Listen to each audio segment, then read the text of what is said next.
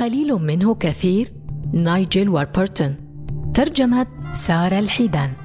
من سمات العمارة الحديثة حضور البساطة في التصميم وغياب الديكور والابتعاد عن الفوضى والأهم من كل هذه السمات الفعالية والتي تغلف بعبارة قليل منه كثير.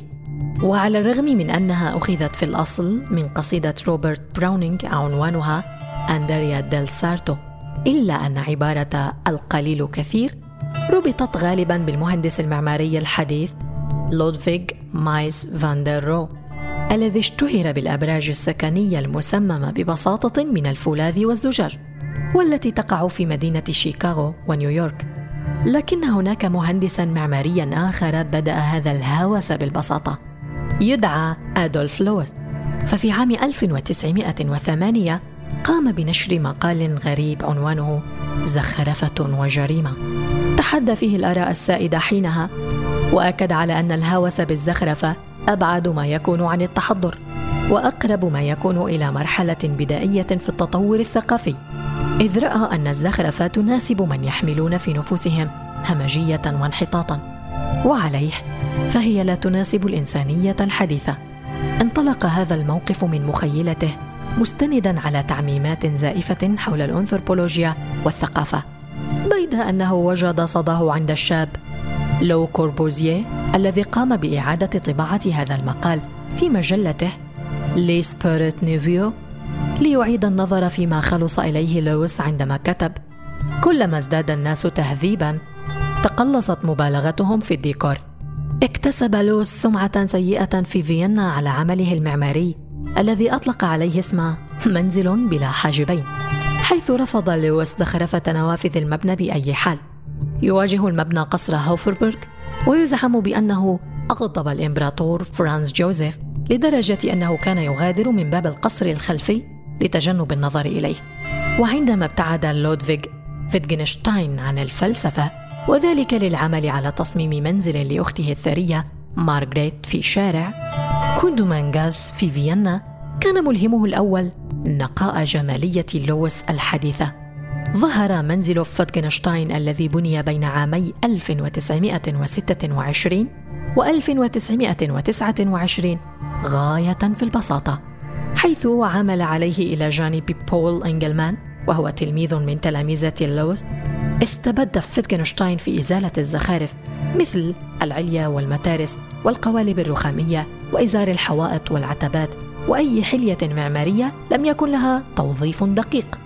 وقد رافق ذلك هوس بالتحمل والدقة والذي صعده إلى درجة سخيفة. كان مخولا لطلب أعلى دقة في البناء نظرا لدعم العائلة الثرية للمشروع. دقة تزيد عما يمكن أن يكون عمليا في بناء اعتيادي.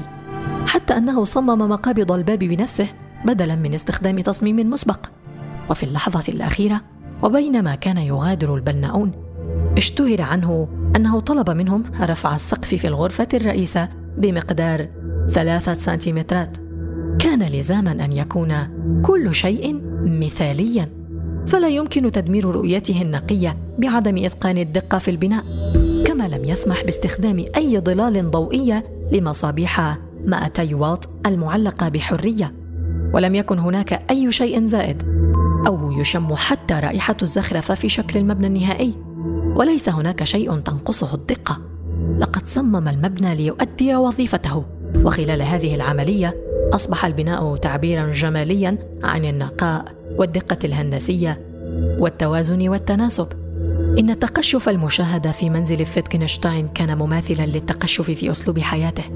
وقد اشتهر هذا الفيلسوف باستغنائه عن ميراثه الهائل ليكتفي بمقعد وسخان داخل غرفته في كلية الثالوث بجامعة كامبريدج مستغنيا عن الكثير من الفوضى في حياته قدر ما أمكن.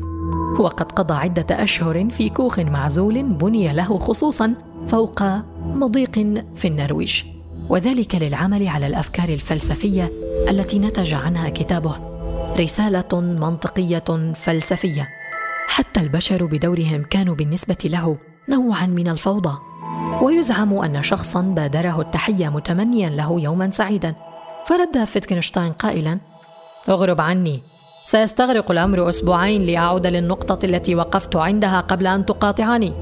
إن ميل فيتجنشتاين للمبالغة في البساطة بأماكن المعيشة ليس مجرد إلهام من جمالية لويس الحديثة بل هو أقرب إلى الرؤية التي أعربت عنها أستاذة الحد من الفوضى المعيشية ماري كوندو التي تقول بأننا حينما نزيل كل الأشياء غير الضرورية التي تملأ غرفنا وندع الأشياء التي تثير البهجة فقط سنحصل على ما يشبه ضريح الشنتو مكان نقي تتجلى فيه الأفكار.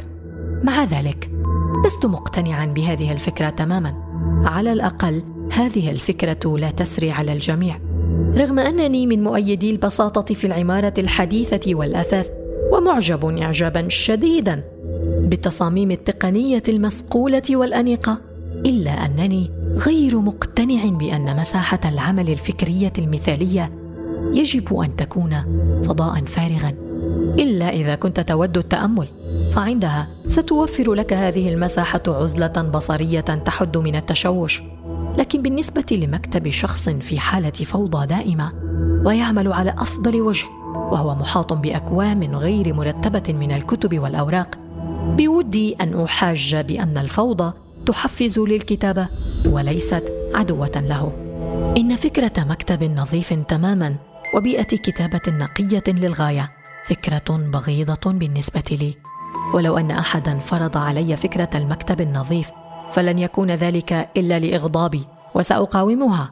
وذلك لأن إنتاجيتي تزيد وأنا محاط بالكتب والأوراق في مكتبي المنزلي أو في مقهى يعج بالضوضاء.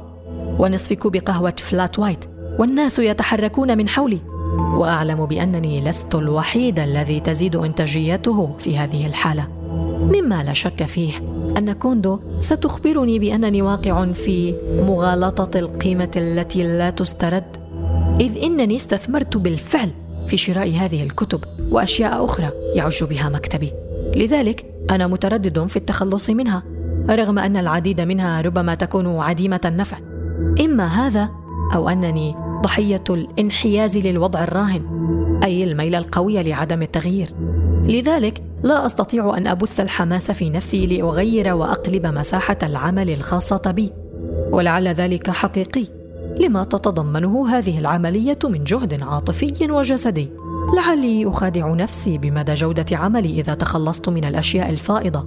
لكني أجد عزاء في دراسات لهذه الحالة في كتاب تيم هارفورد الفوضى كيف تكون مبدعا ومرنا في عالم مرتب ذهنيا.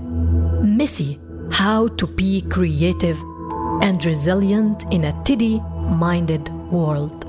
إن أكثر دراسة علقت في ذهني تلك التي تناولت مبنى عشرين في معهد ماساتشوستس للتكنولوجيا وهو مبنى مؤقت من ثلاثة طوابق مصمم من الخشب الرقيق والقرميد المفرغ والأسبتوس ليستضيف مجموعة متنوعة من المشاريع البحثية.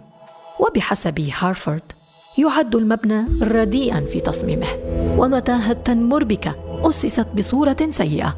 لكن بصرف النظر عن كل ذلك أثبت أنه مكان خصب للعديد ممن عملوا فيه. على سبيل المثال لا الحصر هناك تسعة فيزيائيين قاموا بتجاربهم في ذلك المبنى وفازوا بجائزة نوبل. وقد صممت أول ساعة ذرية هناك. كما استخدم هارولد إيجرتون التصوير الفوتوغرافي بتقنية ستروب لتصوير رصاصة تنطلق من تفاحة وهناك طورت شومسكي أفكاره التي حولت علم اللغويات. كان المبنى عبارة عن فوضى ولكن كما قال أحد ساكنيه كان المبنى يملك روحا تلهم الإبداع وتطوير الأفكار الجديدة. يعود سبب ذلك جزئيا إلى اجتماع مجموعة من ذوي الذكاء العالمي. فقد كانوا يعملون على مشاريع مختلفة ويصادفون بعضهم في الممرات. لكن ما يهمنا هو أن المبنى كان قابلا لإعادة التشكيل إذ لم يضطر الباحثون إلى الخوض في تطبيقات معقدة لتثبيت شيء على الحائط أو حتى لهدم جدار. يحتوي مكتب الكاتب الفوضوي على هذه السمات أيضا. فهناك إمكانية العثور على كتاب أو ورقة منسية منذ مدة. وليس هناك هوس بنظام الحفظ ليكون كل شيء في مكانه الصحيح. ومثل ما أشار إليه هارفورد المكتب الفوضوي ليس فوضويا كما يبدو للوهلة الأولى فهناك ميل طبيعي نحو نظام ترتيب نفعي للغاية. يقوم على حقيقة أنك ستواصل اقتناء الأشياء المفيدة وتراكمها. إن المكاتب النظيفة والأوراق المرتبة تبدو رائعة في مجلات الأنماط المعيشية. وتتناسب مع نمط التخفف الجمالي. ومن المؤكد أنها تلائم البعض من الناس.